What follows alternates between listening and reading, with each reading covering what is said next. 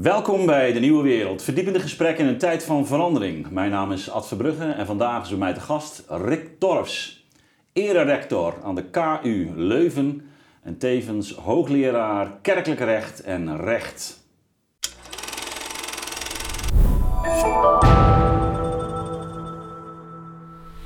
Welkom uh, Rick. Een plezier om hier te mogen zijn. Ja, het is een uh, bijzondere dag, althans het moment waarop we uh, deze opname gaan uitzenden is de opening van het academisch jaar. Mm Um, het leek mij gepast in dat kader om een uh, gesprek te hebben met jou als uh, ererector aan de KU Leuven, waar ik uh, mijn doctoraat gedaan heb destijds, 1999 aan het Hoger Instituut voor Wijsbegeerte. Dus, dat was een ander millennium, hè? Ja. Dat was een ander millennium. Ja, ja je zegt dat veel betekent. um, je bent zelf vier, vier jaar rector Mhm. geweest in, in Leuven. Um, dat is inmiddels denk ik um, ook alweer een jaar of vier terug. Hè? Ja, dat was tot 2017, dus dat 17, is nu vijf jaar vijf geleden. Jaar, vijf ja, jaar ja. geleden. Ik kan me herinneren dat wij in volgens mij 2018 of 19 ook een gesprek hebben gehad. Uh, toen nog bij uh, Voor de Ommekeer. Mhm. Mm -hmm. Ook over de situatie aan de uh, universiteit, ook over het proces van verengelsing. Nou, dit leek me eigenlijk wel een mooi moment, ook nu jij ook bij de afsluiting zit van je eigen academische carrière. Mhm. Dus nog niet van je carrière. Want Zeker niet. maar van je uh, academische carrière, want die gaat per 1 oktober met uh, emeritaat. Ja. Om uh, ja, een gesprek te hebben over het geestelijk leven in Europa. Mm -hmm. En de rol van eh, de universiteit daarbinnen. Ook, ook terugkijkend ook op de afgelopen jaren. En ja, hoe jij ook dat, dat hebt zien veranderen Mhm. mm -hmm. gedurende je, je leven. Dus um, eerst maar eens beginnen. Uh, zie je er tegenop, dat, die periode van, het, van je emeritaat? Nee, ik ga nog wel een paar colleges blijven geven in Leuven en Straatsburg. Uh, maar voor het overige word ik een uh, zelfstandig onderneming in ideeën, waaronder onzin. Dus uh, dat zal de toekomst zijn. Ik ben van plan om veel lezingen te geven. Um, ja, misschien ook wel vormingsprogramma's in België voor een stuk uit te werken. Voor uh, ja. mensen die echt willen leren denken en uh, een breder perspectief op de wereld willen ontwikkelen. Dus dat zijn uh, zaken waar ik nu over nadenk. maar ik ga zeker niet stoppen met werken, want emeritaat is eigenlijk, we moeten daar eerlijk in zijn, het afwachten van de dood. En dat lijkt me niet leuk. Nee. Nee, nee, nou heel goed. Um, verrast me ook niet helemaal, uh, jou kennende, dat je nog niet uh, achter de geraniums gaat, gaat zitten. uh, toch, we gaan het met elkaar hebben over die universiteit. Um, Mhm. Hoe kijk jij daar op terug als je zo de, het begin van je carrière in ogenschouw neemt en hoe je uiteindelijk nou ja, ook rector bent geworden Mhm. en en nu ook de afgelopen jaren uh, nou, ziet hoe die universiteit Nee. zich ontwikkelt. En uh, dat plaatsen we dan een beetje in een, laten we zeggen, maar een Europees perspectief. Je kunt ook naar Amerika kijken, dat is weer een Mhm. ander verhaal. Uh, maar toch, toch vooral even naar de Europese situatie. Um, wat, wat zie jij gebeuren? Wat is er veranderd in jouw optiek? Um, ja, altijd veel. En je ziet dat niet wanneer het aan het gebeuren is. Hè. Je merkt Ja. dat pas later. Dus ik ben geboren in 1956, na Christus, voor mensen die daaraan Ja. mochten twijfelen. en dus Ja. mijn studententijd uh, situeert zich dus uh, ja, voornamelijk in, in, in de jaren 70, helemaal begin van de Ja. jaren 80 ook. En dat was een tijd uh, toen eigenlijk in Leuven, vond ik, nog sporen overbleven, de laatste weliswaar, van een soort Newmaniaanse universiteit, waar je dus uh, veel contact had toch nog tussen disciplines, waar een, een soort holistische visie op het uh, leven werd gepreekt. Dat, dat noem je? Een New- Newmaniaan? Ja, Newmaniaanse, Ja. na, naar de fameuze kardinaal Newman, uh, Ah, een ID of a uni- university, met Ja. de gedachte, ja kijk, alle disciplines moeten meedoen, niemand mogen we uitsluiten.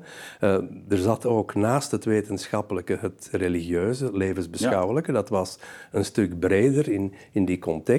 En een ander belangrijk punt uh, was in die tijd um, het idee van ja, van de bredere vorming van de student. Dus de, de vakkennis werd uiteraard niet verwaarloosd. Ook toen al was het aanbevelenswaardig dat een chirurg de juiste lichaamsdelen viseerde wanneer een mens voor hem open lag. Maar daarnaast was er toch ook die, die behoefte aan een, een, een, een veel uh, bredere vorming van de student, met bijvoorbeeld weerbaarheid, zelfinschatting, uh, ook een, een, denkkader ontwikkelen waardoor je niet als een angsthaas naar de wereld om je heen kijkt. Die dingen waren er nog. Maar ik voelde toen ook al -hmm. Dat uh, sommige van mijn professoren, want in de rechtsopleiding hadden we eigenlijk veel filosofische vakken. Dat want, die, je, want je bent in, in, in, een gewone juridische context ja, eigenlijk opgeleid. Ja, ik ben, ja, absoluut. En ik ben dat ja. beginnen combineren met kerkelijk recht vanaf het derde jaar en zo. Maar eigenlijk ben ik uh, echt als jurist opgeleid, maar met veel filosofische vakken in die tijd. Ja. Maar ik proefde bij sommige van mijn docenten dat ze niet meer 100% uh, ja, geloofden in de dingen die ze vertelden. Uh, wat ze wel vertelden bijvoorbeeld toen, uh, was dat het scientisme was overwonnen. Hè? Dus dat is dan echt uh, ja, de leer van Auguste Comte en anderen. Ja, ja, en de gedachte dat er naast de wetenschap in al haar exactheid enkel onzin wordt verkocht, die dingen, die dingen. Dat werd gezegd, maar je voelde hen zelf wel wat levensbeschouwelijk aarzelen. Dat, dat, dat voelde je wel wat. dat heb ik meegemaakt. En dan, ja, ik ben... Uh... Ja, dat is misschien vergelijkbaar. Ik, ik, ik ben natuurlijk werkzaam op de Vrije Universiteit. Mm -hmm. En wij, wij hadden daar uh, vanuit de, de, de, eigenlijk de erfenis van uh, met name ook Dooyeweert en die reformatorische ja. wijsbegeerte, ook, ook zelfs in het gebouw zelf, een bepaalde ordening. Ja. Waarbij wijsbegeerte op de dertiende zat. dat, dat konden wij wel dragen als wijsgeeren. De dertiende verdieping van het gebouw. Ja. En daarboven zat uh, eigenlijk nog een, een, een, een bezinningscentrum, uh, theologie en de kerk. Dus dat was ook de. Uh, we hadden boven nog een kerkzaal, dus dat was ook de architectuur. Mm -hmm. Dus het was daar een heel duidelijk ja, architectuur architecturele opvatting van, mm -hmm. van, uh, van wetenschap. Hè? Met, dat, is... Alles deed mee. Ja, ja, inderdaad. Maar er zat wel een hiërarchie ja. in, in, die opbouw. Nou, die is in de loop der tijd wel aardig verdwenen. En theologie zit inmiddels op de tweede. Ik weet niet of dat um, een zinnebeeldige ontwikkeling is. Maar... Ik twijfel er niet aan, maar het gebouw staat er nog steeds. Ja, ja zeker. Dus dat is ja. al opgevend. Uh, ja. Uh, maar inderdaad, dus je had wel dat, dat uh, meer algemene, holistische perspectief, was er zeker nog. En dan is dat volgens mij vooral veranderd mm -hmm. um, in, ja, vanaf ehm, ja, de, de jaren tachtig, denk ik, eh, maar niet meteen helemaal zichtbaar. Ben, je, ben jij toen ook gaan werken? Uh, wel, kijk, ik, ik, heb, ik heb ook een jaar in Straatsburg nog gestudeerd. Dan heb ik mijn doctoraat hm. geschreven in Leuven. En als dat af was, heb ja. ik één jaartje in Utrecht gedoseerd en vervolgens okay. onmiddellijk uh, uh, in, in, Leuven begonnen. Met kerkelijk recht ook? Ja, ja, ja. ja. maar, dus ik, ik, kan wel een heel lange lijn proberen te schetsen. Maar wat mij opviel in de jaren tachtig was dat hm. je stilaan uh, toch een, een soort neoliberale universiteit begon te krijgen. De gedachte was toen, je moet je die tijd ook voorstellen, dat was die van Margaret Thatcher en Ronald ja. Reagan. Ja. En in feite ja, bestond toen toch de gedachte, ja, een academicus moet ook zichtbaar getuigenis kunnen afleveren van ja. de noeste arbeid die hij verricht. Want dat was niet altijd empirisch waarneembaar. Er waren professoren die veel nadachten, maar niks produceerden. Ja. Wat, wat Kant ook lang heeft gedaan. Ja, in, ja, maar goed. Uh, dat en, een echte productiviteit kwam pas uh, zo mid 50, hè? Ja, ja, ja, daarvoor zat hij op de terrassen van Kaliningrad, van het huidige Kaliningrad. Maar, maar wat je dan natuurlijk wel, wel... Je voelde dat er dus moest gepresteerd worden, vooral in exacte wetenschappen. Um, en dat dus die financieringsmodellen stilaan, um, die neoliberale kant uitgingen. Ja. En dat natuurlijk, en dat heb ik dan over de, in de loop der jaren gemerkt, uh, dat dan de humane wetenschappen, uh, die vroeger, zeker in de universiteit als Leuven, hoog aangeschreven werden, dus wat jullie geesteswetenschappen ja. noemen, uh, en ook maatschappijwetenschappen voor een stuk, dat die eigenlijk het model van de exacte wetenschappen hoorden te volgen. Hè. En dat binnen in die wetenschappen er ook een evolutie kwam naar het kwantitatieve. Bijvoorbeeld, uh, zeg maar, psychologie. Uh, ja, alle mogelijke Freudiaanse beschouwingen uh, moesten het veld ruimen voor ja, voor empirische gegevens ja. die gemakkelijker konden worden geverifieerd, gefalsifieerd ook, want dat was ja. pas echt wetenschap. Maar meer, meer die kwantificering ja. die je dan uh, Ja, en die ook zien. natuurlijk uh, meetbaarder was, die op de duur ook uh, makkelijker tot onderzoeksgelden leiden en zo meer. Dus dat, ik denk dat die transformatie, zoals we ze nu kennen en zoals ze nu toch ook vaak uit de hand is gelopen, ergens toch voortvloeit uit die die, Eh, die periode. periode, ja. Ja, ja, dat is wel grappig. Ik, eh, ik ben zelf in 85 eh, begonnen. En ehm, ik heb dus ook nog iets van het staartje meegemaakt. Ik reken mezelf eigenlijk ook, kijkend naar mijn academische carrière, ook nog steeds tot dat staartje. Omdat ik, denk ik, in de huidige omstandigheden maar helemaal niet meer zo'n traject had kunnen, kunnen volgen.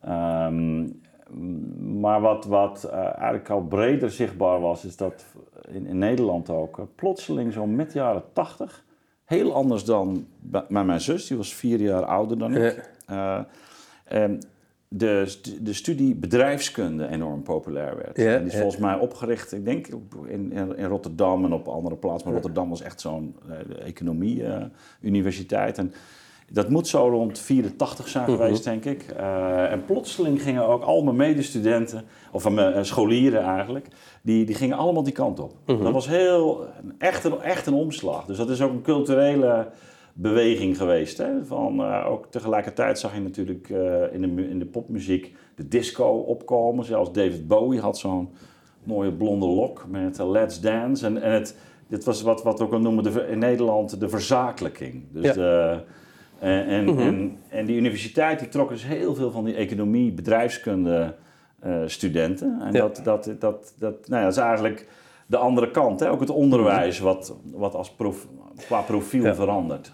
Ja, wat daar ook merkwaardig aan, aan is, aan, aan die redenering, maar ook aan die vaststelling, is dat de universiteit zelden uit zichzelf die evoluties doormaakt. Dus eh, eh, ze is een, een volger van de maatschappelijke evolutie.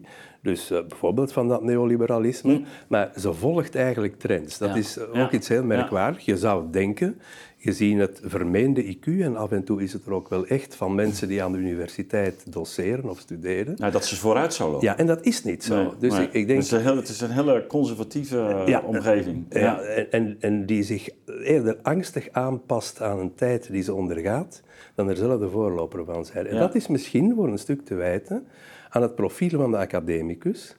Eh, vaak zijn dat eh, meisjes en jongens die slim waren in de klas, weinig moeite hadden om zeg maar, hun schooltijd door te komen. Dat lukte wel. En ook aan de universiteit slaagden ze zonder veel bloed en tranen. Ja, als je braaf je werk doet, hard werkt en wel intellectueel wat of, of in, qua intelligentie wat in huis hebt, kun je een eind komen. En die hebben zelden moeten knokken. En, en, en knokken ook niet graag.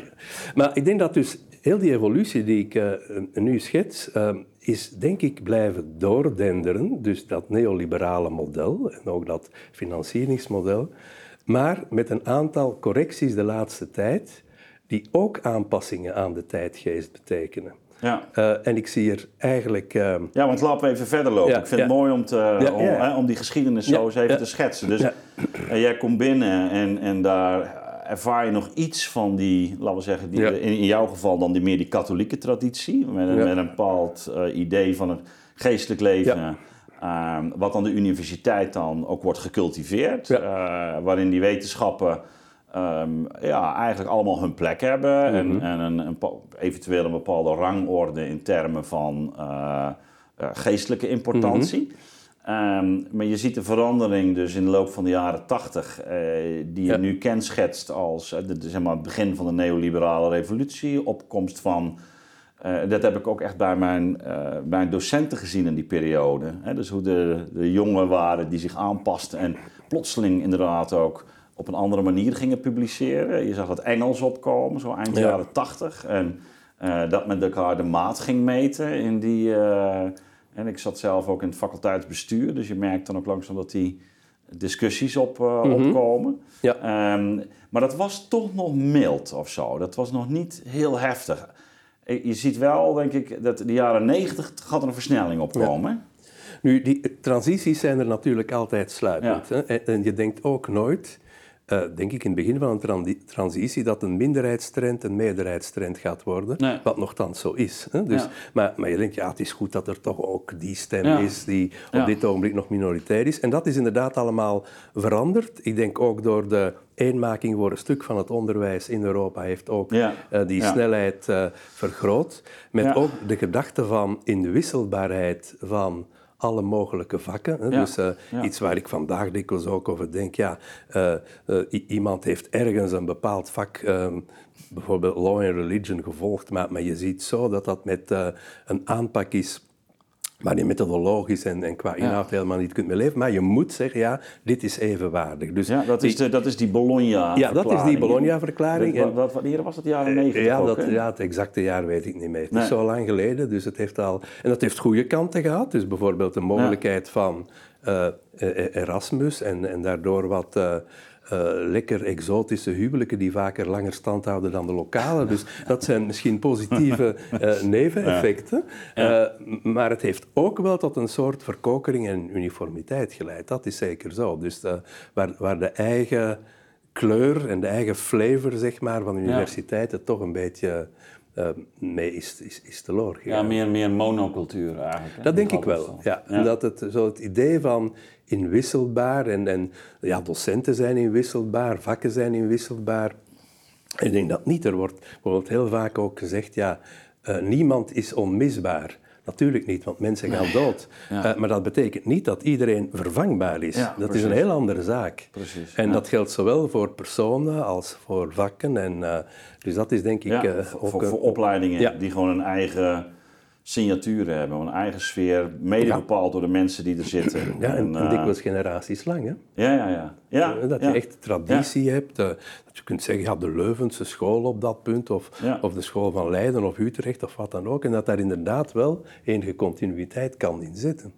Ja, ik denk zelfs dat er een, um, een beweging zichtbaar is waarin men dat idee van school en schoolvorming juist actief probeert uh, te ondermijnen. Mm dat het uh, eigenlijk een teken is van, uh, uh, zouden ze tegenwoordig zeggen, van incestueuze mm wetenschapsbeoefening. van, je moet het juist opengooien, moet diversiteit moet, ja. moet tot zijn recht komen. En ja, anders krijg je een, een, een, een, hoogleraar die met een stel volgelingen om zich heen. Dus het wordt ja. heel sterk, denk ik, ook, ook ja. bijna karikaturaal ook weergegeven als iets wat wat nou juist zou indruisen tegen de academische uh, vorming. Ja, maar er zit natuurlijk ook een interessante ideologie achter, namelijk uh, de gedachte dat je vanaf nul kunt beginnen. Hè? Dus in feite betekent dat, bijvoorbeeld je begint met een, een opleiding tot historicus, ja. uh, je plukt iemand weg uh, in Spanje en in Chili. Je doet dat ook in Noorwegen, is een stuk lastiger, want daar worden ze beter betaald, want die dingen spelen ook wel mee. Ja, ja, maar je probeert zo mensen van heel verschillende achtergronden te krijgen en gaat dan uh, geschiedenis beoefenen. Terwijl natuurlijk het eigen is, denk ik, aan elke intellectueel of iemand die daar probeert op te lijken, dat hij toch een impliciet referentiekader heeft. Dus de afwezigheid van een referentiekader. En de mens als... Um, ja, uh, lege doos waarin alles zowat kan worden geprobeerd. Uh, zo, zo, werkt het leven niet. Hè? Um, je bent ook al geen neutraal persoon meer als je als 18-jarige aan een universiteit begint te studeren. Dus maar... die gedachte, um, die ook, denk ik, soms wat samenloopt met een verkrampt gelijkheidsdenken, dus dat zit daar voor mij wel een stuk tussen. Maar die gedachte uh, is natuurlijk niet neutraal, is op zichzelf ook heel ideologisch. Nee, absoluut. Het is een, een, sterk moralistisch van aard ja, ook. natuurlijk. En, en ik denk inderdaad ook, uh, wanneer we het hebben over cultuur, hè, want dat is toch de bredere uh, context. Mm -hmm. het, het, het, creëert ook een bepaalde cultuur op een universiteit. Ja. Hè, die denk ik uh, meer gefragmenteerd is, ja. meer uh, geatomiseerd, zou je ja. bijna zeggen. Dat heb ik ook wel zien gebeuren. Mm -hmm. Ook op die faculteit uh, zelf, dat er eigenlijk meer specialisten zijn met, met internationale netwerken. En ja. die, die werkt daarop en die daarop. Maar het idee van een ja, universiteit als een gemeenschap of een faculteit als een gemeenschap, dat, dat, dat begint dan te eroderen. Mm -hmm. um, dus die, juist die internationale netwerken, die worden ook heel belangrijk. En, en je ziet daar ook eigenlijk vanzelf uh, hoe, hoe, technologie dan ook het wetenschapsbedrijf verandert. Ja. Tenminste, ik heb dat toch ook echt wel zo ervaren. Dat, dat heel die, de opkomst van de computer ja. uh, echt tot een ander soort ja, werkomgeving uh, leidt. En daarmee ook tot een andere manier van schrijven, een andere manier van publiceren. Ja. Um, dan zitten we ook een beetje in de jaren negentig, die, waar, die, waar, die, waar je echt een enorme versnelling kunt zien. Um, Hoe, hoe, hoe, ehm, als we dan naar het nieuwe millennium gaan, wat, wat vind jij dan eh, de, de grote verandering? Eh, wel, ik denk... Je ehm, zei al, dat is oude, ik ben gepromoveerd nog in het vorige millennium. ja, ja, ja, ja. Dat was ook nog een Nederlandstalig proefschrift overigens, waar Mijne ik zeer ook. blij mee ben. Mijne ook, maar dat was dan wel in 1987, Ja. toen, toen, toen, Ja. toen het Nederlands nog vrij algemeen werd gesproken aan de universiteiten. Ja. maar, eh, maar inderdaad, dus, ik, denk, ik denk dat inderdaad het, het, het nieuwe millennium achteraf bekeken ook wel echt voor een deel eh, nieuwe dingen heeft gebracht. Niet zozeer omdat het een nieuw millennium was, maar het was ook wel het einde voor een stuk van, van optimisme, dat met 9-11 bijvoorbeeld eh, eh, voor een stuk is begonnen. dat heeft in mijn vakgebied bijvoorbeeld een enorm effect gehad. Dus in de jaren 90 heb ik eh, met een paar andere zogenaamde experts uit Europa en Amerika vele landen afgereisd in, van het eh, ex-Sovjet-imperium om daar te werken aan nieuwe wetten godsdienstvrijheid. Waar wij ook kwamen, werden wij toegejuicht als herauten van de vrijheid. Vrijheid in die tijd was leuk, was Ja. mooi. Mensen hielden daarvan. En dan voelde je na 9-11 dat dat toch omsloeg. Ik herinner mij een bijeenkomst in, in Washington, ik denk in het begin van 2002, eh, waar wij plots met enkele specialisten zaten we daar met wat Amerikanen te praten. En ineens werd duidelijk dat veiligheid eerst kwam Ja, en dan pas vrijheid. Hè. Dat was een, een plotse Ja. andere rangorde. En je kunt zeggen, kijk, eh, daar zit natuurlijk... eh, je hebt dat boek van eh From, Angst voor de Ja, Vrijheid. Angst voor de? Vrijheid, ja. Maar, natuurlijk, in periode van, van bloei, denk ik, in een samenleving houden mensen van vrijheid. Ja. En eh, wanneer het eh, moeilijker begint te gaan, komen er andere dingen op de eerste plaats. In dit geval veiligheid eh, na 9-11. En dan ja, eh, zijn er allerlei andere problemen gekomen. Migratie, de wijze waarop mensen daar mee worstelden. De laatste jaren kwam er dan ook klimaat en, en, en, en, en corona. Er kwamen meer en meer problemen, waarbij, denk ik, die vrijheidsgedachte eh, ook ondergraven werd. En dat is volgens mij echt een verschijnsel van deze eeuw. Ja, Dus, terwijl je tegelijkertijd wel ziet dat in die periode eigenlijk het traject dat eh, was ingezet in de jaren 80 op het gebied van de economie, van liberalisering en globalisering, dat zette zich nog eh, onverminderd door. ja. Ja, Hè, en, dus dus, dus laten we zeggen op, op systeemniveau. ja. Eh, en dan kun je kunt wel zeggen dat daar natuurlijk ook allerlei veiligheidsmaatregelen werden ingebouwd. eh, met vormen van toezicht en Ja. noem allemaal maar op. En zeker na eh, 2008, de kredietcrisis, zag je ook dat die financiële weer- wereld eigenlijk ook gereguleerd moest worden omdat het onveilig was. Maar Ja. het, het paradigma was wel, eh, in principe gaan we naar een steeds grenzelozer wereld toe. ja. Ja, Nu, ik denk wel dat de universiteit... eh, Zeker de universiteit jaagde dat op. Hè? Maar ik heb het gevoel dat ze nog altijd grotendeels in dat Daar zit ze paradigma hè? Daar zit En ze Dus ik, Ja. ik vind in die zin, eh, als je nu zou zeggen, eh, waar, blijft, waar kun je de, de invloed van Thatcher en Reagan nog zien, dan zou Ja, ik zeggen aan, aan de de universiteit, universiteit. ja. Als het laatste bastion van het Ja. 20e eeuwse neoliberalisme. Maar, en dat is denk ik de nieuwigheid die daarna ook is gekomen, ehm, en, en, en die we dus langzaam hebben ontwikkeld gezien in dit millennium, met een aantal correcties op het eh, pseudo-ethische terrein. Hè? En die heel dikwijls... eh, Waarom noem je dat pseudo-ethisch? eh, wel, omdat het natuurlijk heel hypo- hypocriet is. En natuurlijk, ik, ik ben een, een, fan van La Rochefoucauld, hè, Ja. die, die ook zegde dat natuurlijk ehm, ja, de, de hypocrisie een soort ode is van de ondeugd aan de deugd. Hè? Want je kunt zeggen, iemand die hypocriet is, is geen volslagen barbaar. Want hij pakt niet uit met zijn barbaarsheid, maar wil een goed mens lijken. Hè? Dus dat is nog een, een laatste spoor van deugdzaamheid dat in de hypocrisie terug te vinden is. Ja. Dat kun je daar ja, wel ja, van zeggen. ja, ja, Eh, ja, maar ik denk dat- er twee dingen zijn die, die mooi. zeker de laatste jaren enorm ontwikkeld zijn. Aan de eerste plaats, in de eerste plaats probeert de universiteit zich voor te doen als voorbeeldig. Als Ja. ethisch voorbeeldig. Als de plek waar bijvoorbeeld eh, diversiteit en duurzaamheid op een geweldige manier een prioriteit zijn aan de instelling. ik ken, vooruitstrevend. Ja, ik ken geen enkele universiteit die daar niet mee uitpakt. Die zegt wij zijn duurzaam, nog duurzamer dan alle anderen die ook al vreselijk duurzaam zijn. En diversiteit, ja, ook anderen doen dat wel, maar wij doen dat nog beter. En, en lesnoods gaan we de studenten s morgens uit hun bed halen om hen te begeleiden de hele dag door en hen helemaal gelukkig te laten zijn en zo meer. Dus die ethische dingetjes, die grote deugdzaamheid, daar pakken ze zeker mee uit. En ik denk voor een stuk juist als compensatie voor de beenharde wereld die er soms achter schuilt.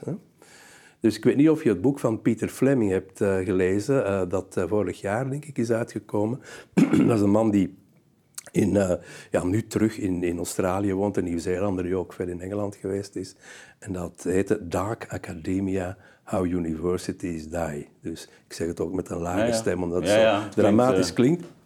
En daar gaat het ook over, over het geweldig persoonlijk leed aan universiteiten, met soms ja, harde meetmaatstaven, uh, maar ook vreselijke bureaucratische regels die ah. heel veel energie kosten. En dan denk ik, is de, het stuk van de, van de balans dan, is dat je inderdaad zegt, maar we zijn wel zeer deugdzaam. Ah, dat, is, dat is mooi. Het is een, het, het, het, het zogenoemde deugdpronken, wat, uh, waar ze tegenwoordig nog alles over uh, spreken. Dat dat eigenlijk een en je verdubbelt hem, dat dat eigenlijk ook een structuur is om een bepaald soort harte, harteloosheid of hardheid ja. eigenlijk ook te maskeren. Ja. Um, tegelijkertijd uh, moet je dan wel zeggen dat um, als je ook ziet wat, wat in Amerika gebeurt, bijvoorbeeld met de woke-beweging, uh, en wat hier in Nederland en ik denk ook al wat in Vlaanderen ook wel naar voren komt, wel nog niet in, niet in die mate, maar uh, waarin toch heel sterk juist een soort van moralisme wordt mhm. gepredikt, uh, waarin juist de universiteit bij monden van de studenten en bij monden van een deel van de humanities heel erg zich laat voorstaan op een toch een soort morele superioriteit.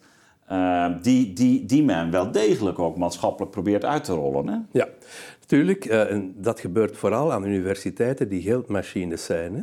Dus uh, zoals Harvard of, of wat dan ook, Chicago, dat zijn echte grote universiteiten mhm. met heel veel geld. En juist daar gaan ze dan een soort deugdzaamheid prediken. Je gaat dat veel minder vinden in rurale Latijns-Amerikaanse universiteiten die geen geld hebben. Dus in die zin denk ik dat het wel degelijk een compensatie is voor het harde kapitalisme dat er, dat er achter schuil gaat. Dus, uh, en dat heb je ook op andere punten. Je kunt zeggen, het is op zich... Ik sorry dat je onderbreek. Ik heb dat namelijk ook regelmatig afgevraagd. Zeker omdat je nu zelf zo de link legt met dat kapitalisme en neoliberalisme. Um, zou het ook zo kunnen zijn dat, dat juist dat thema rond uh, identiteit, rond, rond gender, uh, rond... Um, nou ja, de, de, erfenis van de, de, de, patriarchale westerse cultuur die repressief is, die eigenlijk moet worden bestreden. Het, uh, het hele decolonisatieproject, uh, wat je aan de universiteit uh, dan ziet, dat dat voor een deel juist ook, misschien zonder dat de betrokkenen het altijd doorhebben, ook een, een maskering is van eigenlijk uh, de dominante ideologie die verder niet meer in vragen komt. Dus dat, dat, dat juist door die drukte daar en die aandacht daarvoor iets, iets veel groters wordt gemaskeerd dat zich voltrekt. Ik ben daarvan overtuigd. Dus in feite is dat een soort uh, verhulde schaamte voor het uh, blijvende neoliberale denken. Maar zou het, ook, zou, zou het ook een instrument kunnen zijn? Om wat dat bedoel ik. Nou, juist om, die, om ongestoord die agenda. Zeker, dat, maar dat twijfel ik niet aan. Dus inderdaad, het verhult een agenda die, en ik heb dat ook ervaren als rector, het is op dit moment onmogelijk die trend een halt toe te roepen.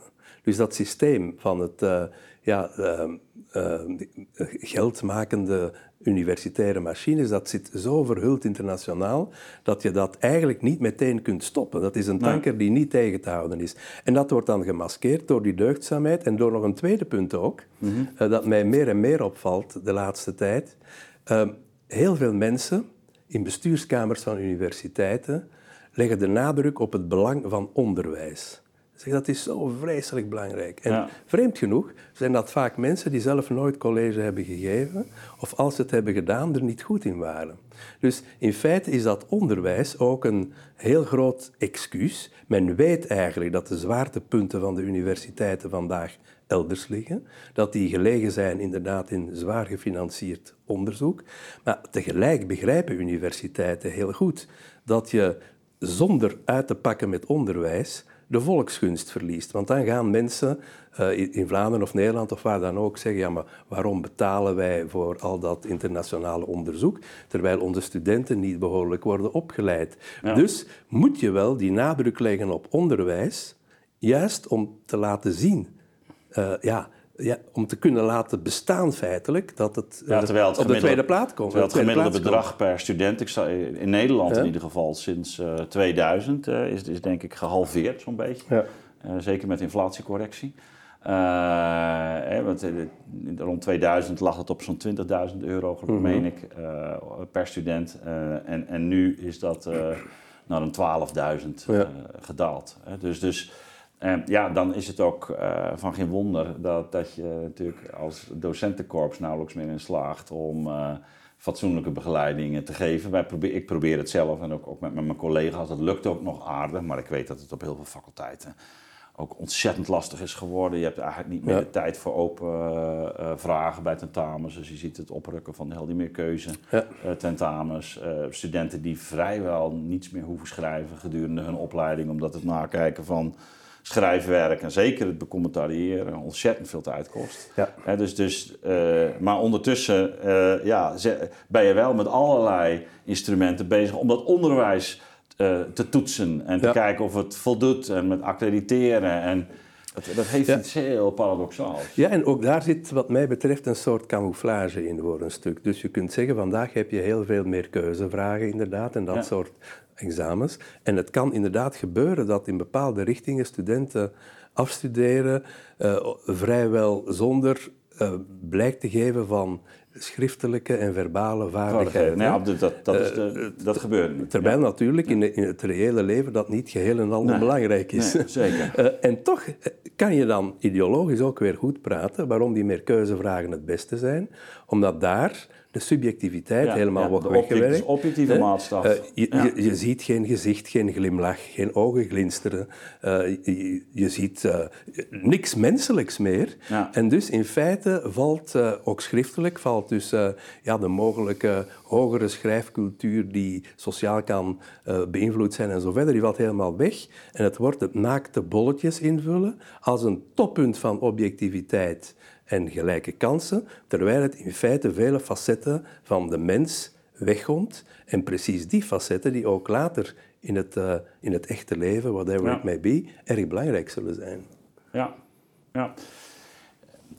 Laten we nog even teruggaan op een paar eh, thema's die je al, eh, al aangeraakt hebt. Dus je zegt, nou, je, je ziet dus ehm, dat de universiteit vaak pas in tweede instantie of in derde instantie meegaat met die maatschappelijke eh, trends. Ehm, dat is- hangt ook samen met de aard van de professie. Het zijn niet de, de meest eh, grote helden die eh, op de universiteit rondlopen. Ze hebben andere kwaliteiten. Zeker. Dus da- daar hoeven we verder niks aan af te doen. Maar, maar, maar doorgaans niet de types die voorop lopen en die eh, de klappen kunnen opvangen. Maar eh, ja, degene die eh, toch, toch eh, binnen het systeem eh, datgene doen en ook hard kunnen werken, intelligentie hebben. Nou, dus denk ik dat is op zich helder. Ehm, je hebt wel gezien dat natuurlijk een, een aantal revoluties, hè, bijvoorbeeld eh, de 60s, dat die wel van de studenten zijn uitgegaan. En dat de universiteit vrij makkelijk is mee, eh, meegebogen eigenlijk met wat daar eh, toen gebeurde. Ehm, we hebben het over de jaren 80, dan zie je dat die verzakelijking eh, in, intreedt. Hè? Die, ehm, en eh, de vraag is nu, ehm, dat neoliberalisme. Wat voor onderstromen zie je dan op dit moment die eigenlijk niet op die universiteit aanwezig zijn? Want als je. ehm, politiek gebeurt er natuurlijk van alles in, het maatschappelijk leven. Ehm, eh, en je kunt zeggen, de universiteit voert nog de agenda uit van de jaren tachtig. Ik denk dat je daar. eh, ik deel, die, deel die analyse. Ehm, maar dan is toch de vraag: maar wat, wat, wat zit er dan aan die, aan die andere kant? Ja, je hebt een, een aantal uh, evoluties die denk ik uh, veel minder worden gecapteerd. Uh, dus de kunst om, om het eigene en het specifieke toch weer een plaats te geven. Mm -hmm. um, en zonder natuurlijk een breder verband uit het oog te verliezen. Um, terwijl nu het breder verband juist vaak het specifieke uit het oog verliest. Hè? Ja, dus dat is eigenlijk zeker. het grote probleem ja. waar we mee worstelen. Dus bijvoorbeeld, ik vind het, ik vind het vreselijk als bijvoorbeeld uh, over, over, ik zeg maar wat, hè, de geschiedenis van België uh, tussen 1880 en, en, en 1900 enkel nog in het Engels kan worden gepubliceerd. Uh, ja. dus ik vind dat onzinnig. Dus de, de persoonlijke ja, de persoonlijke kleur en zo verder, de tijdgeest en, en zo meer, uh, heeft ook altijd iets lokaal en dat kan je dan in verband brengen met het andere. Dat is een aspect dat op dit ogenblik aan de universiteit grotendeels ontbreekt. Ja, maar mijn vraag is een andere. Dus, eh, laat ik even herhalen. Dus die, die, eh, dat proces van globalisering, wat met het neoliberalisme intreedt. Ja. dat, evident dat de universiteit daar eigenlijk een belangrijke pion in is. Ja. Een van de factoren. Hè? Dus samenwerking met, op research en development, ja. Ja, ja. Uh, met heel, heel, de rol van het kapitaal die, die je daarin uh, ziet. Maar ook met een ideologie die eigenlijk daarbij hoort. Hè? Met, met internationaal onderwijs, uh, waarin dat bijzondere of lokale meer op de achtergrond raakt. Mijn vraag, en jij zegt ja, maar dat is de agenda van de jaren tachtig. Mijn vraag is, wat zie je dan nu maatschappelijk oh wat daar haaks op staat, wat de universiteit niet weet op te nemen? Wel, ik denk onder meer uh, de herkenbaarheid. Dus de strijd tegen vervreemding die alle mensen voelen. Dus ook het idee dat je wordt uh, oversteld met agenda's die je niet kan interioriseren. Dus mensen krijgen heel vaak vragen voorgeschoteld als de meest urgente van de tijd, die ze zelf zo niet zien. Dus in dat er bijvoorbeeld in die zin wel een grote kloof bestaat. Ik wil daar ook niet te populistisch over beginnen, maar we moeten het ook onderkennen. Ja. Tussen het officiële discours zoals dat wordt gevoerd, bijvoorbeeld door, door de kwaliteitskranten, maar ook door de universiteit en zo meer. En dan ja, de vragen die, die mensen zich stellen. En dat heeft uh, toch heel erg te maken met hoe voel ik mij nog thuis in een wereld die verandert en wat zijn de ankerpunten die ik voor mezelf kan vinden. En dat wordt dan heel snel als kleinburgerlijk van de hand gewezen. Ja, ja. Oké, maar dan, dan uh, ik, ik denk ook dat we op dit punt ook de analyse delen en daar komt onder andere ook uh, dit, dit kanaal uit voort. dat dat um, wat de socioloog um, Emmanuel Castells zegt, eind jaren negentig. Mm -hmm. Ik haal hem ook, ook, hier vaak aan. Mm -hmm. En dat er eigenlijk in, in het proces van wat hij noemt uh, informationalisering, dat is meer dan informatisering, maar het geeft ook aan dat eigenlijk voortdurend wordt geïnvesteerd in bepaald type kennis en in de informatieuitwisseling. Mm -hmm die plaatsvindt, zodat eigenlijk een toename van kennis op allerlei terreinen, dat kan ook zijn uh, waar de consumenten vooral uh, hun tijd mee, uh, mee vullen of waar ze het meeste behoefte aan hebben, mm -hmm. of dat je met die kennis voortdurend als het ware wil commodificeren. Mm -hmm. dus het is de, de, het, het, het, omzetten van kennis in steeds hogere economische productiviteit. Hè. Dat, dat vindt ja. hij ook een van de kenmerken van die neoliberale mm -hmm. revolutie. Nou, de universiteit speelt daar een enorme rol in. We hadden het al over die kwantificering, en over, maar ook mm -hmm. in vormen van nudging, sturingsmechanismen, Zeker. allerlei. Ja. Um, maar hij zegt, ja, daar ontstaat dus ook sociaal gesproken een groep die in een eigen ruimte leeft. Die uh, ruimte die, uh, die opent zich al wanneer ze op hun kantoor komen, de computer aanzetten, ze een mailtje krijgen uit New York, een uit... Uh, ja. Uh, dus, dus uh, zoals bij gemiddelde academicus tegenwoordig vaak het geval is. Dus, dus netwerken die eigenlijk mondiaal zich uitstrekken.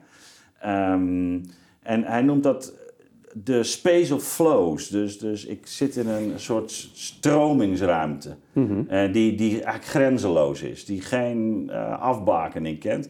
En die zet hij af tegen de space of places. De plaats, plaatsruimte. Mm -hmm is, is, is eigenlijk ook, hè, dus wat je nu zo, zo aangeeft, lijkt heel erg ook in die lijn te liggen. De clash tussen twee ruimtelijkheden. Ja, met een aantal kwalijke gevolgen. Dus als je zegt inderdaad, hè, dus die mensen die daar hun bureau binnenkomen gelopen en hun, hun, mailtje uit New York en dat beantwoorden en zich ook als een vis in het water uh, Daar voelen, ja. Die, die, nemen het vliegtuig en die. Ja, die, dus... maar in een bijna imaginaire wereld. Hè. Dus in die zin, uh, die wereld bestaat wel echt, maar raakt de rest van het leven maar eventjes. Het is een heel dunne koord uh, met, met een wat globaler perspectief. En globaal bedoel je dan niet wereldwijd, maar wel maar holistisch. Ja, dus, dus als mens. Dus dat is denk ik uh, uh, ongetwijfeld een, een, probleem. En ik denk ook uh, een probleem dat verergert. Dus aan het begin van het gesprek zei ik dat ja, vroeger, um, Newman, maar ook nog in mijn studententijd, er toch altijd werd geprobeerd om bredere verbanden te leggen. Dat zie ik de laatste jaren vooral mm -hmm. enorm weghebben, weghebben met een, wat mij betreft ook voor de wetenschap, uh, zeer gevaarlijk concept van expertise. Dus uh, je hebt steeds ja. meer je hebt steeds meer de experts, experts in heel kleine dingen. is dat. Uh, ja. ja, en die worden ook niet meer in vraag gesteld. Normaal gezien ja. zou je als wetenschapper, als expert, uh, plezier moeten hebben in de inhoudelijke discussie. Maar vandaag is expert zijn vaak het tegendeel, is dat de afsluiting van de discussie. Hè? Ja. Uh, omdat er gezegd wordt, ja, meneer X is expert in weet ik welk virus, apenpokken of wat dan ook. En als je dan daar een argument zou tegen ontwikkelen, dan overschrijd je je vakgebied, dus heb je ongelijk. Dus in feite is de expertise in haar doorgetrokken vorm het toppunt van onwetenschappelijkheid, omdat het een dogmatisch antwoord is op het open debat. Dus in die zin vind ik dat een heel gevaarlijk iets. Dus de expert afgesloten. En een tweede punt is natuurlijk dat je ook zo een opvatting krijgt over de mens en de wereld, die denk ik vele mensen radeloos maakt en ook tot impliciet tot psychische problemen brengt. Namelijk, natuurlijk is het leven geen optelsom van expertises. Als je al die experten bij elkaar zet en die geven hun mening over ja, cognitieve psychologie, een ander over die apenpokken, nog een ander over eenzaamheid en zo verder, dan krijg je een ongelooflijk raar palet van vreemde meningen die op geen enkele manier geïntegreerd zijn en die niet, laten we zeggen, uh, stromen in een, in een rivier die een eenheid biedt. Dus in die zin denk ik is dat heel gevaarlijk, uh, bijna voor de volksgezondheid en ook voor de wetenschap, omdat er geen echt wetenschappelijk debat meer is door een, door een ja, toppunt van van, van expertises. En ja, als je een heel groot expert bent, sta je misschien helemaal alleen. Of is er nog één andere die je moet proberen rustig te houden. Maar nou ja, het, wat je, debat wat je, ontbreekt. Wat, je in feite ziet, en dat, dat is natuurlijk ook... Uh, een beweging die, die al heel de 20e eeuw uh, in, in opkomst is, maar die inderdaad de afgelopen decennia in een versnelling is geraakt. Dus dat, die, dat de, de, de hele, het hele onderscheid tussen wetenschap uh, en techniek eigenlijk langzaam verdwijnt. Hè? Dus dat, eh, de expert is bijna de ingenieur. Hè? Eh, dus, dus de expert geeft het advies zodat iets in, in uh, op, op bepaalde manier geschakeld wordt. Uh, uh, dat is een soort grote mechanicus die daar aan het werken is. En nou ja, we moeten die regels maar volgen, want dat biedt dan het, uiteindelijk zekerheid, het beste resultaat. Uh, het betekent eigenlijk dat de wetenschap dus, uh, nou ja, je, je, zou kunnen zeggen politiseert, maar dat is ook niet meer het woord, want de politiek depolitiseert. Dus ja. het is een soort uh, ineengaan van, van wetenschap, techniek en politiek die je daar ziet. En we hebben dat natuurlijk bij de coronacrisis ook op een, op een hele heftige manier ja, ook, ook, kunnen waarnemen. Hè? En, um, en de universiteit die daar dus een, samen met, met die hele netwerkstructuur eigenlijk een hele centrale rol in vervult. En, en, maar dan wordt het, als je het ook zo neerzet, ook, ook in die zin ook wel zorgwekkend, dat, dat je zegt, ja, maar dat, dit is bijna ook een, een uitdrukking van een bepaald soort geestelijke, uh, nou niet alleen misschien eenzijdigheid of, of, of armoede, maar ook een, een, uh, je, zou, je zou bijna het, het activistisch zijn, ook een een pathologie. Ja. Het is een, hè, want, want er ontstaat een rare situering van de experts, wetenschap, politiek, eh, die eigenlijk uh, uh, ongezond is. Ja. Uh, ik ben natuurlijk een geboren optimist, want het lijkt ja, nu even ja, zo anders. zit je hier ook. maar, ik probeer ook te blijven lachen. Ja, dat, dat maar ik ga er nog iets pessimistischer aan toevoegen. Um, Dus vaak wordt er gezegd, kijk, we hebben nu vandaag, uh, en op het eerste gezicht is dat ook zo, uh, meer takken van, van de wetenschap dan vroeger. Bijvoorbeeld, de, de psychologie is, ja. is voortgevloeid voor een stuk uit de filosofie. En dan had je ja. uh, disciplines zoals economie, politicologie en zo verder zijn ontstaan en daar subgedeelten in. En je kunt dus aan de ene kant zeggen, het waaiert altijd verder uit en dat is een grote rijkdom van ideeën. Maar tegelijk denk ik, is er een andere evolutie waarbij al die disciplines die heel verschillend lijken, eigenlijk stilaan hetzelfde beginnen te doen. Ze stellen allerlei modellen samen met een aantal variabelen die om god weet welke reden wel of niet worden gekozen. En dan heb je het statistisch-mathematisch proces dat tot uitkomsten leidt. En of het nu gaat over psychologie of, of sociologie of, of economie of wat anders, diezelfde methodologie wordt gehanteerd binnen schijnbaar verschillende vakken. En bijvoorbeeld, je hebt bij ons nauwelijks nog macro-economen omdat die natuurlijk, ja, dat zijn mensen die ideeën spuien die moeilijk controleerbaar zijn. Maar je zult wel mensen hebben die bijvoorbeeld uh, ja, finance voor uh, eh, KMO's uh, eh, hm. in een straal van 45 kilometer van de hoofdstad of zo. Dat heb je dan weer wel. maar die eigenlijk hetzelfde doen dan, dan andere mensen die die, die, die, ja, die, die, die, die modellen van, van, van medicamenten bestuderen en zo meer. Dus je hebt in feite een uniformiteit in de methodologie achter een schijnbaar breed uitwaaierend aantal wetenschapstakken. En dat is ook een soort... Dat, dat wordt te weinig gezien, vind ik. Er wordt altijd gezegd, ja. onze kennis gaat verder en verder, ja. terwijl onze methodologie schraler en schraler ja. wordt. Ja, en um, we leren niet alleen steeds meer, we verleren ook. Dat is zeker zo. En, en ook niet zo'n klein beetje. Hè? Dat, um, dus, dus dat is inderdaad een belangrijke uh, uh, ontwikkeling. Nou, we, we, raakten het er al eventjes aan. Hè? Dus, dus, de afgelopen jaren uh, lijkt ook zeker met de coronapandemie er een, een, nieuw soort bijna constellatie mm -hmm. zich, zich te, te manifesteren. Die bij een, een, een, deel van de bevolking echt ronduit uh, argwaan heeft ja. uh, gewekt. Op, op zo'n manier mm -hmm. dat men daar ook uh, samenzweringen in, in, ja. in waarneemt. Um, ik, ik denk dat ook, dat ook niet helemaal uit de lucht gegrepen is. Ik denk dat ook wel grotere krachten werkzaam zijn. Um, maar, maar, als jij nou die dynamiek zo ontwaart. Je schetste zelf um, in de, gedurende je periode als rector dat je zegt, ja, het is eigenlijk ondoenlijk om, ja. om daar zomaar een einde ja. aan te maken. Ja. Uh, want die verwevenheid is, en, en de, de, de, die, die is te intens. Uh, bovendien, uh, ja, daar, daar hangen allerlei uh, instituten aan, functies. En, Zeker. Um, dus, dus, maar zit daar nog iets als regie op? Zit daar nog iets als een agenda op? Of is het... Uh, ik, ik, denk dat het voor een stuk een verder denderend systeem is. Dat denk ik wel. Dus het is een soort uh, teleologie van het systeem zelf? Denk ik wel. En een systeem dat uh, zijn functionarissen aantrekt. Er zijn veel mensen die daar uitstekend in passen. Ja. in, in dat soort constellatie. Uh, dan is natuurlijk de vraag, kun je dat op een of andere manier stoppen? Want ik vind het wel gevaarlijk. Dus ja. er is zeker ook een link tussen doorgedreven expertise en autoritarisme. Dat bestaat zeker. zeker. Ja. Ik, ben, ik geloof persoonlijk niet meteen in complotdenken, maar het is zeker zo dat bepaalde experts ja. zich ook tegelijk als autoritaire denkers opstellen. En mensen vinden dat leuk in tijden van angst. Dus, dat zijn, dus eigenlijk zijn sommige experts ronduit gevaarlijke figuren. En dus, maar dit gezegd zijnde, kun je dat stoppen. En Peter Fleming bijvoorbeeld in zijn mm -hmm. boek ziet twee mogelijkheden.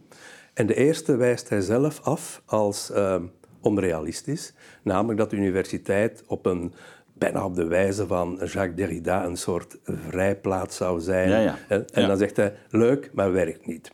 En het tweede punt vind dat ik... Dat gaat niet gebeuren. Nee, dat gaat niet nee. gebeuren. En het tweede punt zegt hij, ja, wat ik misschien wel denk is dat we de structuren zoals ze nu bestaan, in hun logheid, bureaucratische vreedheid en mm -hmm. uh, neoliberale logica, dat we die niet aankunnen, dat we die maar moeten laten leven, maar dat er daaronder binnen de universiteiten wel ruimte ontstaat voor informele contacten. Uh, dus dat je de officiële universiteit hebt met de paparassen, uh, de, de, de, projectaanvragen en zo verder. Maar dat er daarnaast ook een universiteit is waar het ware gesprek en het interdisciplinaire in de echte zin nog overblijft. Nu, ik vind dat mooi. Aan de andere kant doet mij dat enorm denken aan de boeken van Ivan Klima uh, en, en, Milan Kundera en zo.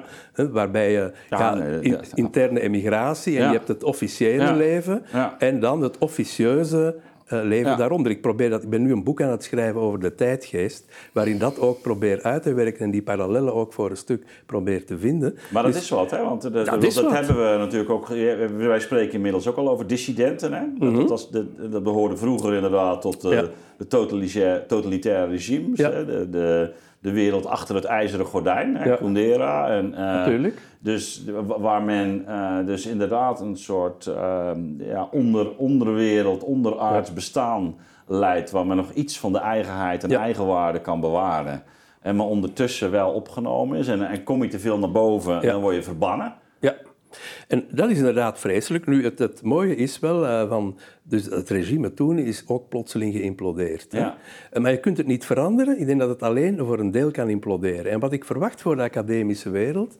is dat uh, een aantal disciplines zullen sowieso overeind moeten blijven, omdat die toegang geven tot bepaalde beroepen. bijvoorbeeld uh, ja, een medische opleiding, tandarts, rechten. Hè, dat heb je nodig om bijvoorbeeld arts en advocaat te worden, zal nog wel een tijd blijven. Maar wat ik wel verwacht, is dat een aantal opleidingen dat eigenlijk eh, ja, niet echt vereist is. Hè. Bijvoorbeeld communicatiewetenschappen, sociologie, ehm, weet ik veel, filosofie, filosofie. economie zelfs en zo verder. Ja, die zullen uiteindelijk toch beoordeeld worden op eh, de producten die ze afleveren. En daar denk ik dat de universiteit toch zwaar in concurrentie zal komen met allerlei andere initiatieven, of die nu van bedrijven komen of privépersonen. Dus daar vraag ik mij af wat op lange termijn de meerwaarde gaat zijn van die opleidingen. Uh, en dan zit je terug in de neoliberale logica. Als ze hun marktwaarde niet kunnen demonstreren, en ze enkel maar bestaan om toch maar een universitair diploma te halen, denk ik dat ze op termijn uh, geen toekomst hebben. Maar de vraag is dan, dan ook, wat doet de politiek daarmee? He, want uh, nu heb je een stelsel waarin die universiteit, en die zin is nog niet neoliberaal, uh, toch behoorlijk wat bijlegt bij um, het academische ja. onderzoek en onderwijs. Ja. Um, dus er is in, dat opzicht ook geen uh, vrije toegang. Hè? De, de, markt is beschermd, om het zo ja. maar te noemen. Um, en je kunt niet zomaar een, een opleiding filosofie of sociologie als alternatief gaan aanbieden, want je zit in een concurrentienadeel. Ja. Hè? Dus er is geen level playing field, zoals het dan uh, ja. zou worden genoemd. Denk je dat de overheid uh, langs deze lijn zal blijven functioneren? Ik bedoel, wat, wat gaat er politiek gebeuren in relatie tot de universiteit? Ja, dat is natuurlijk de vraag. Uh, het is wel zo dat uh, altijd het paradigma is, en niet een onrechte, dat daar waar veel wordt geïnvesteerd in wetenschap, en dat is nog niet helemaal hetzelfde uh, als ja. universiteit, maar dat dat ook goed is voor het bruto nationaal product, voor de welvaart en zo verder. Dus die band is er, wordt misschien soms wat sommige disciplines mm. betreft overdreven, maar kan de universiteit voorlopig wel aanhouden in haar discussies met de overheid.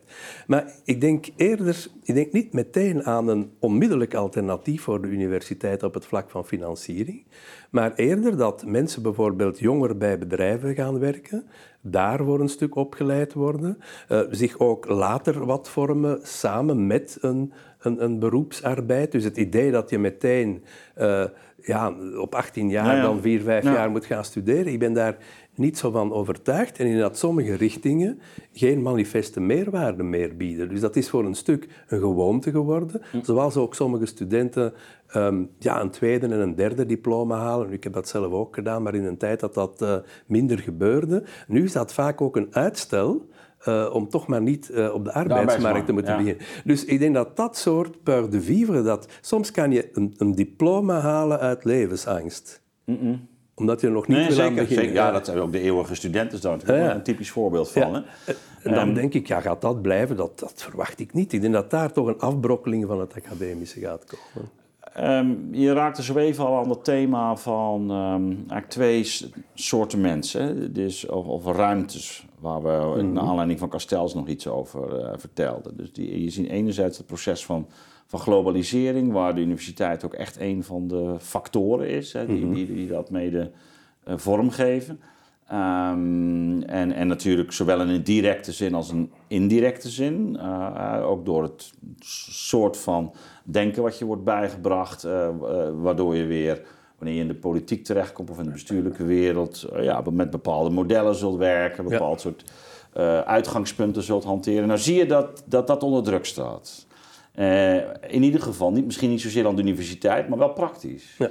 We zitten nu in een tijd, uh, ik denk dat de verkiezing van Trump al een soort markering was, waarbij mhm. de, um, de, de, de um, deplorables, zoals uh, Clinton, Hillary Clinton ze noemde, uh, ja, toch een greep naar de macht hebben gedaan. niet alleen de deplorables, er zitten ook gewoon conservatieven bij, en niet, maar er is een nieuw soort, in Amerika een nieuw soort front ontstaan en mhm. dat is vrij groot.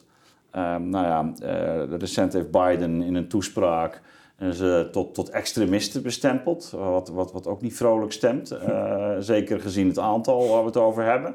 Maar goed, uh, we weten niet hoe dat loopt, maar wel dat, dat er vanaf dat moment door Trump een agenda is ingezet van, zou kunnen zeggen, voor een deel deglobalisering. Mm terughalen ook weer van, van productiecapaciteit naar de Verenigde Staten. Nou, dat is de, door de, de, de spanning die er nu geopolitiek uh, bestaat, ook in de richting van China, in de richting van uh, Rusland, is dat eigenlijk uh, alleen maar verder op gang gekomen.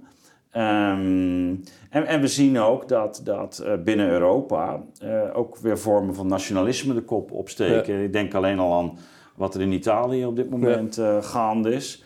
Um, het zou best kunnen dat die plaatsmensen, die, die mensen van die plaatsruimte, uh, en met hun fysieke veiligheid, want daar speelt natuurlijk veiligheid ook gewoon een rol, mm dat die ehm, ook politiek gesproken iets in gang gaan zetten wat, wat mogelijk op, op mhm. gespannen voet staat met wat die universiteit dan doen is. Zou het kunnen dat er een politieke dynamiek optreedt? Voor een stuk wel. Hè. Ik denk, ehm, je hebt eerst de sociologische realiteit. De maakindustrie zal inderdaad ook terugkeren daar waar ze is weggegaan. We gaan ook meer producten terugmaken. Uh, je hebt ook een trend uh, die al bezig was. Uh, ik heb enkele jaren geleden een lezing gegeven aan de Universiteit van Turku. Ik weet niet meer waarover in Finland. Daar zaten bijna uitsluitend. Enfin, er waren veel meer meisjes dan jongens. In, in, en er werd gezegd: ja, kijk, ehm, de meisjesstudenten zijn hier ja, meer, veel meer dan de helft. De jongens die kiezen voor een technisch vak en willen een klein bedrijfje beginnen. Dus dat is ook wel um, een switch die zeker in zo'n landen toen al bezig was. Politiek, ja, daar gaat inderdaad ook wat veranderen. Dus ik ben persoonlijk eigenlijk een, een echt centrumfiguur. Ja. Uh, ik hoop dat het centrum ergens zich uh, herpakt, maar wel op een realistische manier begint te kijken naar het leven en niet alleen die eenzijdige weg volgt die we lange tijd hebben gegaan en die eigenlijk nog een weg is van van de 20e eeuw. Uh, maar je voelt bijvoorbeeld, Italië is een goed voorbeeld, de Fratelli staan daar in de peilingen op hetzelfde niveau als de Sociaaldemocraten, maar samen met de Lega en de partij van Berlusconi gaan ze mogelijk wellicht de verkiezingen winnen. Nu, die Fratelli, dat, uh, die komen uit een fascistische traditie, zijn natuurlijk wel uh, anders geëvolueerd. Nu, ik denk persoonlijk, uh, ook Italië wat volgend, als die aan de macht gaan komen, verwacht ik ook weer geen rampen. Dus je moet ook zien wat dat wordt. Ze zullen in een coalitie moeten zitten met vele anderen op zijn Italiaans, waar nooit autoritair door één persoon uh, kan worden geregeerd. Ik denk dat we wel moeten accepteren dat die dingen gaan gebeuren en dan zien wat dat gaat opleveren. Want natuurlijk, uh, vele eerder dan rechtse populisten denken, met ons komt het allemaal in orde, maar ze gaan wel uh, geconfronteerd worden met dezelfde problemen die ze ook niet zullen kunnen oplossen. Het is enkel kunnen leefbaar houden van een situatie. Maar we moeten ook niet direct, denk ik, uh, ons uh, ongelooflijk ongerust maken als uh, in, in zo'n land er een andere meerderheid komt. Uh, niet te veel inderdaad mensen beginnen uit te schelden voor hun verkeerde keuze, mm. maar hij wel voor hun verantwoordelijkheid plaatsen. En dan moeten ze zelf maar laten zien wat ze kunnen. En dat is misschien minder dan ze nu beloven. Ja, laatste vraag. En je hebt vier jaar ehm, de scepter mogen zwaaien over ehm, de KU Leuven. Mhm. Als je daarop terugkijkt, Ehm, had je iets eh, anders moeten doen? Of ehm, zeg je, ik, eh, ik, ik ben eigenlijk ook maar een site vrijwilliger geweest? Eh, wel, ik- wat ik eigenlijk denk, ik, ik denk dat ik iets te laat rector ben geworden. Ik heb soms het gevoel gehad als ik dat eerder, maar dat is een illusie, hè? maar misschien was er dan, ook binnen het personeel van de universiteit, waren er dan nog meer vrijdenkers. En dat is wel wat omgezwaaid. Dus ehm, mensen die zo wat eh, probeerden op hun eigen sukkelachtige manier de homo universalis uit te hangen, ik vind dat altijd aandoenlijk, die heb ik in het begin van mijn carrière meer gekend dan, dan nadien. Dus weet, vandaag denk ik ook een ander type academici, eh, van wie velen blij zijn om binnen de, nieuwe te contouren werken. te kunnen Ja. werken. En ik, ik had dat misschien niet op tijd gezien. Ik, ik hoopte ergens dat daar nog eh, meer eh, krachten waren die zo'n holistische evolutie aankonden. Die heb ik gek genoeg, vond ik die misschien meer in, in, in geneeskunde en zo, eh, dan, dan in, in bepaalde ja, wetenschappen zoals communicatie, sociologie Ja, en zo.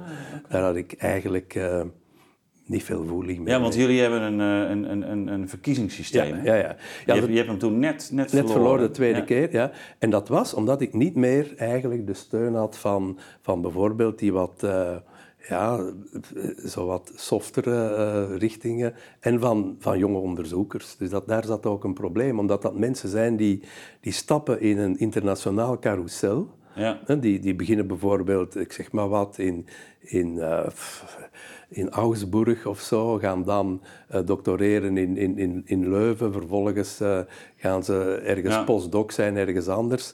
En ja, in een heel technische discipline meestal. Ehm, en proberen dan ergens een baan te vinden aan de universiteit.